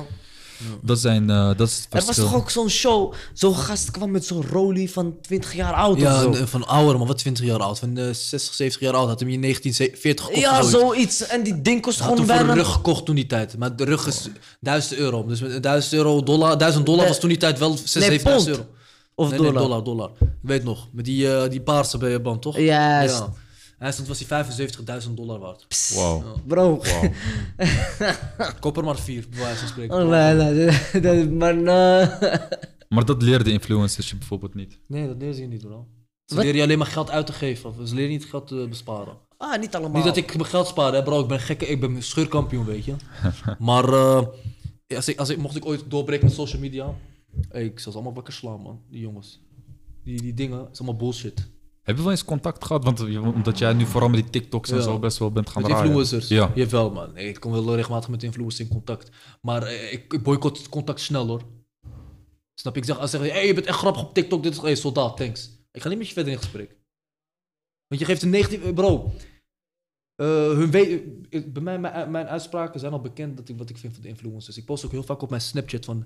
Boys, influencers, Instagram is allemaal bullshit. Het is niet het echte leven. Snap je wat ik bedoel? Mhm. En boys, die gasten misschien weten al hoe ik denk over influencers. Maar zoals jij al eerder zei, niet iedereen is hetzelfde. Ja. Er zijn ook gasten die positief zijn, snap je? Ja. Positieve vibe brengen aan mensen, dat soort dingen. Dus, eh, Want ja. er zijn bepaalde influencers die wel eh, zeg maar geld maken. Ze laten ook zien hoe. ja. En dan laten ze ook zien dat ze dat hebben kunnen halen met behulp van dat werk wat ze doen. Begrijp je wat ik bedoel? Tuurlijk, die moeten er ook zijn. Maar ik denk niet dat dat de norm is. Bro, hun, kijk, weet je, die, teringluiers, die verdienen met filmen geld, YouTube. Voor de rest doen ze niks. Die, die kinderen worden helemaal gek. Ze denken, hey, die gasten kunnen die tas kopen. Maar ze, krijgen, ze hebben niet eens werk. Ze lopen zichzelf de hele tijd te filmen. Fillers in die lippen, dit, dat. Als ik er één vuist op die lip geef, ja bro. Als ik er één vuist op die lip geef, bro, ik zie alleen maar chemicaliën op die hand van mij. Wordt groen, Erik. Snap je? Ik, bro, als, als mijn kinderen op, naar die, dat soort gasten kijken, ik bel ze op. Ik zeg, hey, blokkeer dit account. ja, en dit account en dit account. Niemand, ze mogen niet naar jou kijken. Klaar. Wat vind- vind David? Ik vind het lastig, omdat heel veel influencers zijn uiteindelijk ontstaan uit hun marketingbehoeften ook. Hè? Want ze waren op een gegeven moment interessant geworden. Net zoals bijvoorbeeld dat jij met je TikToks interessant bent geworden. Maar er komen op een gegeven moment ook bedrijven naar je toe. Bro, weet je hoeveel mensen naar me toe zijn gekomen om te promoten? Ik, ik heb stijf nee gezegd. Ik heb, ik heb niks... Weet je wat ik alleen promoot? Liefdadigheid, dat promoot ik alleen. Of islamitisch gerelateerde dingen. Bro, ik zeg, ik ga niet schijnheilig lopen doen. Ik, maak zondags nog steeds iedere dag. Dat doet iedereen. Maar eh, ik probeer zeg maar wel eh, erop te letten doordat ik wel hassens ga maken. Bijvoorbeeld, eh, die man, gisteren iemand bood me aan, bro, ik heb gebedskleedjes. ik zou die kunnen misschien promoten, dit dat tegeno- tegenover betaling. Ik zeg, bro, je bent voor de jeugd, je bent voor onze, voor onze toekomst, dus voor die kinderen. Dit is, dit is voor je gratis, ik ga niks van je, ik ga niks van je aannemen. En wat biedt die jongen me aan? Hij biedt me een, gewoon een gebedskleedje gratis. Dat, zulke dingen regel ik met die mensen bijvoorbeeld, snap je? Ja, ja, ja, ja. Maar er zijn ook mensen die mij bijvoorbeeld vragen om lachgas te promoten. Shisha lounges. Of eh, weet ik veel wat allemaal. eh, nepkleding. Zulke dingen. Bro, sorry, ik doe dat niet, man. Dus eigenlijk heb je gewoon een grens getrokken van ik ga geen bullshit Ik heb het geld niet nodig, bro. Ik, ga, ik doe niet alsof ik miljonair ben, bro. Ik, ik, heb, ik heb nog steeds geld nodig. Maar ik heb, dat geld heb ik niet nodig. Ja, het is vooral Ja, dat geld. ja. Dat geld heb ik niet nodig, Oké. holla. Ja. Bro, eh, zoals ik zei, ik ben geen heilig boontje. Ik heb mijn zondes... Hey, eh, mogen Allah mij vergeven, inshallah. Wallah, bro, ik heb zondes gepleegd, dat is niet normaal. En inshallah gaat dat vergeven. Maar die, die, die dingen wil ik niet op mijn naam. Ik wil dat niet op mijn naam, bro. Dat is... Dat is eh, hoe noem je... eh, je hebt Hassanet en... Zie je Eh de uh, Rijera, toch? Betekent dat toch? Dus eh, doorlopende eh, zondes die je pleegt. Ja, ja, mijn ik naam wat je bedoelt. Die, die Salah heeft me echt bang voor, eh, voor me dat Ja, met dit... eh, Dode ja, het eigenlijk over muziek, toch? Ja, bijvoorbeeld. Maar dat ook, dat telt ook, bro. Ja, man. Over welke Saladin hebben we het? Die, die ex-rapper? Of Ja. bedoel je die documentaires maakt? Salah die, die, documentaires maakt. Maar hij ook Ja, toevallig. je bedoelt die ex-rapper volgens maar mij. toevallig die ex-rap heeft daar ook over gehad. Oké. Die heeft het ook over, erover gehad. Hij zegt, bro, ik heb, eh, iets ge- ik heb eh, wat een zonde gepleegd. Die blijft maar doorlopen. Alsjeblieft, kijk niet naar mijn muziek. Precies, Wallah, bro, ik die dag kijk niet meer naar zijn muziek, hè. Bewust. Ik ook ik gun niet. hem dat echt niet, hè. ik ook niet. Snap je? En dat vind ik wel best wel treurig eigenlijk, dat hij alsnog... En zo zie je dat diegene is niet eens meer trending. Mhm. Hij is niet eens meer trending, maar alsnog heb je nog steeds die platenlabels zeggen... Ja, maar je hebt een contract getekend en dan blijft nog steeds online staan. Ja, ja, ja, ja. Dat is het jammer. En dat is trouwens, zulke dingen zou ik denken van... Waarom zou een influencer dat soort dingen niet gaan... eh, Promoten. promoten, aangeven van... Je weet toch, die hebben bepaalde verantwoordelijkheden, maar je weet toch, maak je stappen ook verantwoordelijk. Denk op lange termijn, denk aan de stappen die je maakt. Weet je hoe dat heet? Bad influencers, je hebt good influencers. Ik wil die good influencers zijn, snap je? Ja. Ik zou bijvoorbeeld niet een bedrijf bijvoorbeeld omhoog krikken. Snap je? Ik zou bijvoorbeeld een startende bedrijf zou ik bijvoorbeeld helpen. Zelfs komt een jochie van 18 naar me toe. Hij zegt, bro, ik ben begonnen met, eh eh, laten we wat verzinnen, met eh, een, een rolstoelenlijn of. Weet ik veel, wat een Een stoelenlijn. boerderij, hè? dat is een boerderij begonnen. Ja, bijvoorbeeld zou ik helpen. Je bent, jong, je bent net begonnen als ondernemer. Wallah, Ik zou je graag met liefde helpen, snap je? Maar ik ga niet een bedrijf helpen. Ik ga niet een bedrijf helpen die je al duizenden euro per, per dag binnenharkt. Ja, ja, Zoals eh, bijvoorbeeld die eh, supplementen, shakes, dat soort dingen zou ik niet gaan promoten. Je verdient alhamdulillah goed. Ik snap Ja. dat je wil groeien in het bedrijf, maar ik gun hem eerder, want hij is net startend. Snap je? Ik snap wat je bedoelt. Ik ja. Ik vind het een hele Ja. mooie gedachte. Hele Ja, mooie gedachte. Ja. Ik denk ook dat veel meer mensen zo'n gedachte moeten gaan hebben die een beetje, Ja, een publiek hebben. Hey bro, ik heb met mijn vader in de kleding gezeten. Echt gasten die echt vol zitten met... Ik raak niet meer geïnteresseerd van geld, snap je? Ik heb echt bedragen gezien, de- dit, dit, dit, dit slaat nergens op, snap je? Wat voetballers bijvoorbeeld binnenharken, wat mensen verdienen. En ik word daar niet warm of eh, koud van, snap je? Dus ik ben niet... Geld komt later, bro. Die termijn... Jouw, jouw eh, risk is al geschreven, snap je? Zo zie ik dat. Er is iemand Of die het met mij... drugs verdient of met ha- halal. Jouw risk staat geschreven. Jij gaat dit verdienen, klaar. Er is mij ook door iemand gezegd die ik heel, eh, heel dierbaar eh, acht. Die heeft mij gezegd van ondernemen staat gelijk. Het is net een formule. Ondernemen staat gelijk aan engelengeduld. Je hebt geduld, je hebt sabber, maar je hebt nog engelengeduld. Dat is nog, een, nog een graad hoger. Snap je? En daarmee kan je op een gegeven moment filteren wie zijn de echte overlevers, wie zijn de echte strijders. Die Vader- gewoon doorgaan tot ze uiteindelijk een doel hebben Mijn behaald. vader, 25 jaar, heeft lopen stroggelen van hoe ga ik verdienen, dat, eh, net tekort, dit en dat, bla bla bla. Gewoon echt stroggelen. Eh, alhamdulillah, vanaf 2012 heeft hij zijn draai gevonden. Verdient hij, eh, alhamdulillah, goed. Hij kan zijn familie goed onderhouden, dat soort dingen. En hij zegt ook, ik heb 25 jaar heb ik gestroggeld om te wat te verdienen. Snap je? Niet dat wij zonder honger kwamen te zitten of zoiets, maar gewoon 25, dat ik geen, dat ik geen eh, zorg heb zeg maar, aan, eh, kan ik de huur net aan betalen? Of kan ik dit aan mijn auto tanken? had er niet Dus kleine Ja, dingetjes. Ja, ja, ja, ja. De koelkast staat altijd vol, alhamdulillah, maar eh, wij willen ook op vakantie, toch? Ja. Ja. Snap ik bedoel, bro? 25 jaar heeft hij geduld gehad. Daarom, mag Allah hem eh, tevreden met Meer geduld geven. Ja. Als boer zijn, heb je überhaupt boeren die er niet financieel goed voor staan? Dat- Ik kan mij dat niet eens Ja, voorstellen. wallah. Bro, genoeg man. Wallah, genoeg Hebben ze bro. echt zo- Er is miljonair Ja, en, en die man. een derde? Ik- Bro, kijk. Je moet weten, hè. De een derde ben jij toch? ik heb niks, broer. Eh, Sociale huurwoningen zijn weer. Komt wel, man. Komt, wel. Komt wel, broer. Nee, man. Engelen- Ga je promoten, bro? Ja, komt goed. Nee, man. Bro, ik zeg eerlijk, kijk, weet je wat het is met, met de heel veel eh, boerderijen? Eh, er is niemand die overneemt. Begrijp je? Waarom zou je het willen overnemen? Oh, je bedoelt als die boer stopt. en- Als die boer stopt, meestal, eh, want dit beroep wat ik ook heb gekozen, dat gaat meestal van vader naar zoon. Of moeder naar dochter, moeder naar zoon. Maar nu, met, deze, met de tijd waarin we leven, niet iedereen wil op een boerderij werken. Klopt, dat is ook... Ja, klopt, ik hoor het vaker, man. Ja, maar wat gebeurt er dan? Als niemand gaat kopen, dan wordt het dus verkocht uiteindelijk aan de staat. Mhm. En die gaat zo min mogelijk geven. Begrijp je? Wacht, wacht, wacht. Dus boeren die tegenwoordig, Geen opvolger hebben. die verkopen het aan de staat. Ja, eh, als het niet verkocht kan worden aan andere boeren. En de staat koopt het waarschijnlijk voor een prijs dat is gewoon op junkie Of, level. of als hij het houdt, laten we zeggen, hij overlijdt. Die kinderen die dat erven, gaan het ook verkopen. Ja, maar die, weet je wat is met erfenissen, bro? Ik hoorde dat je moet iets van 50% afstaan of zoiets. Eh, erfbelasting? Ja? Wow, yo, dat heb ik nog nooit van gehoord. Ik heb hier achter een factcheck. Ik weet dat je erfbelasting hebt. eh, volgens mij was dat 25%. En dan, dat is eenmalig mogen je ouders tot een ton schenken. En daarboven betaal je 25%. Wacht even. Dat-. Ga je even checken voor me?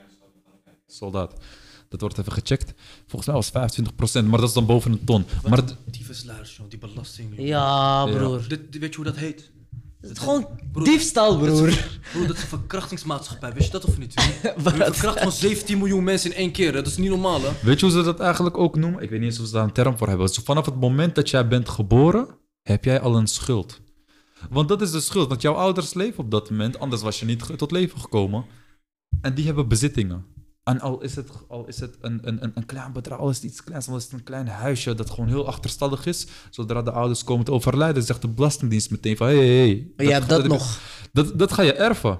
En je Oh, gaat ook de schulden erven, maar meestal is het zo dat je meer hebt dan de schulden natuurlijk. En dan ga je alsnog moeten betalen. Maar sowieso, bro, om even terug naar het boerendinges. Niet allemaal kunnen ze miljonair zijn. Je moet ook weten, hè, eh, de meeste boeren hebben heel veel leningen en hypotheken. Waarom? Anders moeten ze, uit mijn hoofd, ik weet niet of ik het goed heb, 75% afstaan van hun eh, jaarlijks inkomen. Als je niet investeert in het bedrijf. Aan kosten. Ja, 75% aan kosten hebben ze, dat is niet weinig. En dan van die 25% die ze overhouden, moeten ze nog belasting betalen. Dit, ja dat, dat, eh, Bro, jullie- dat gaat allemaal belasting vanaf. bro, jullie en, stoten volume? Als jullie bijvoorbeeld 1 miljoen kilo aardappelen verkopen eh, dan, en jullie pakken maar 2 cent winst, eh, Ja. Ja, maar... met alle eh, kosten gedekt, et cetera, en je pakt 2 cent winst. Ja, maar daar, eh, da- daarop moet je ook eh, belasting gaan Hoeveel belasting betalen. is het op, op, op landbouw? Heeft dat een apart tarief? Ik heb geen idee of dat überhaupt een apart tarief heeft. mij wel, man. Ik weet niet Geen eh, 21% precies, denk ik hoor. Nee, meer. Veel Meer? meer? Ja, man. Nee, maar dat is BTW. Ik denk, ja, je bedoelt omzetbelasting. Ja. Ik heb geen idee, joh. Ik heb Allah, geen idee. ik helemaal. Bro, oh, laat me zo zeggen. De nummers zijn hoog. Ja. Niet iedereen is miljonair. Als, ik geloof mij, if- als de meeste boeren hier echt miljonair waren, de meest, of de boeren die miljonair zijn, zijn allemaal verhuisd. Geëmigreerd naar Canada, Roemenië, eh, Denemarken. Er zat een jongen bij mij in de klas, een paar jaar terug. Na zijn diploma-uitreiking zei hij: Hey, ciao, ik zeg, waar ga je heen? Denemarken. Als boer zijn. Ja, vriend. Gewoon die hele boer, die zooi meegenomen naar daar. Shut. Maar dat, omdat ze daar dus beter verdienen. Ja, daar gaat verdienen ze beter. Eh, bro, kom op man, hier komen ze met, eh, met gekke regels. Oké, maar een ander iets. Je hebt dus twee op de drie die zijn miljonair. Die een derde zou ik niet zeggen dat die straatarm is en kruimeltjes bij elkaar moet gaan verzamelen, maar, toch? eh, nee, ze zijn niet straatarm, maar ze werken wel net zo hard als die andere twee derde, maar hebben niet hetzelfde vermogen. Ze krijgen niet wat ze verdienen? Ja, ik denk het. Ik weet niet. Misschien doen hun iets niet goed. Dat weet ik ook niet. Ik ben daar ook niet bij. Maar ja, eh, weet je, er zijn ook te je, moet, je moet ook weten, als je een boerderij hebt, er zijn veel te veel regels waar jij je aan moet houden. Qua hygiëne. Mhm. eh, qua bijvoorbeeld, ik, ik kende een boer, die heeft een strafblad gekregen omdat hij te dicht bij de sloot stront ging rijden.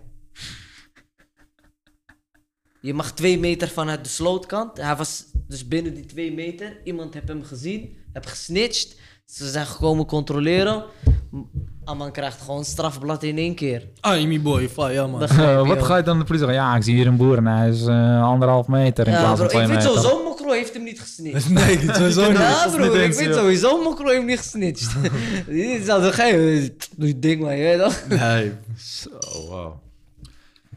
Ik denk dat we eigenlijk hiermee wel een mooie boodschap hebben neergezet. Een mooi gesprek sowieso, maar ook dat we best wel wat, eh, wat, wat, wat eh, food for thought noemen ze dat. Voeding voor het hoofd, voor, voor, voor de geest hebben neergezet, zodat mensen erover na kunnen denken. Ik denk ook dat ze wat meer kunnen, wat, dat ze wat meer weten nu over eh, hoe het boerenleven eruit zit. Hoe verrot het influencerleven eruit zit. Hey, hey, ik ben geen influencer, ik ben geen influencer. Ik ben geen influencer. Ik ik, denk ben, ik ben comedian, ik ben grappenmaker, hè? ja, maar ik denk ook dat je daarvoor al bekend om zal staan. ja, toch? man. Ik, eh, Precies. ik kom niet om mensen te, een, invloed, eh, een invloed te geven op je. Wat. Ik denk dat jij eigenlijk meer vanuit een grappig perspectief echt een ware boodschap ook naar mensen hebt Ja, ik probeer dat ook, weet je. Ja, En ja. ik denk ook dat, dus, eh, dat, dat het doorkomt bij mensen. Ja. Althans, zo is het bij mij doorgekomen. Ja, ik weet je, ik heb geluk, maar ik heb echt, ik denk 99,9% geen haat. Ik heb alleen maar eh, top, toppers die mij brengen. Ik heb echt goede followers, man. Eén vraagje. Heb je haat gekregen van Turken? Nee, bro, Turken supporten mij zo erg. Daarom ik wil die Turken echt bedanken. Die jongens die helpen mij echt. Hè. Eh, weet je, ik denk ook, ik, vraag, ik laat ook aan vrienden zien van, hey bro, kan dit als Turko zijn? Dit, dat. Hij zegt, ja bro, is goed man, dit en dat. En weet je, Turks trots is hoog. Hij gaat je niet zomaar eh zo Ja, volk man, belachelijk ja, maken. En bro, ja, ik beledig ze ook niet, man. Beledig, ik beledig ze helemaal niet gewoon. Ik weet van niet, maar je weet hoe een ander kan het anders zien. Ja, gewoon bro, ik, ik, ik doe gewoon stereotype wat Turkos altijd nou doen. Als Mokros, ik denk dat wij ook die Marokkanen krijgen die, eh, die, die, die free pass, snap je? Ja. Dat krijgen wij. Ja. Wij kunnen die maken. Want Turken Abi, maken jij bent Marokkaan. snap je? Jij bent Marokkaan moslim van mij. Ja, normaal, Abi, je weet het. Allemaal één. Tegelijk. Normaal. Ein. Mooi. Gelijk. Gelijk. Allemaal. Nou, heren, ik wil jullie eh, hartelijk danken voor jullie komst. Ik denk dat we echt een knaller podcast hebben neergezet als de première. Voor de mensen die eh, het hebben zitten luisteren van begin tot einde, hartstikke bedankt. Voor de mensen die zitten kijken, nog erger, nog veel meer bedankt. Eh, jullie kennen het hele riedeltje waarschijnlijk dat iedereen altijd zegt. Abonneren, like, et cetera. Maar ik vraag het jullie ook echt oprecht. Als je zo lang hebt gekeken en je vond het leuk. Het is een kleine moeite. Klik gewoon even op abonneren. Doe gewoon eventjes delen. Stuur het ook natuurlijk naar je vrienden toe. En wie weet gaan we nog veel meer knaller podcasts maken. Voor nu heren wil ik jullie hartstikke bedanken. Ja, ook bedankt voor het uitnodigen, man. Geen Ja, probleem. Misschien zien we elkaar gewoon bij een andere setting. Maar weer bij een nieuwe podcast. En dan gaan we weer straight to the point. Gewoon allerlei dingen op tafel Hardcore, gooien. Hey, jongens, niks is gelogen. Ik ben gewoon straight to the point geweest, weet je. Dus, eh, hè? Ja, man. Mijn hart zit Er niet over nagedacht. Geen disclaimers. geen disclaimers. Hartstikke bedankt voor het kijken, dames en heren. Woeshans de podcast. Onthoud het. Abonneer het. Thank you.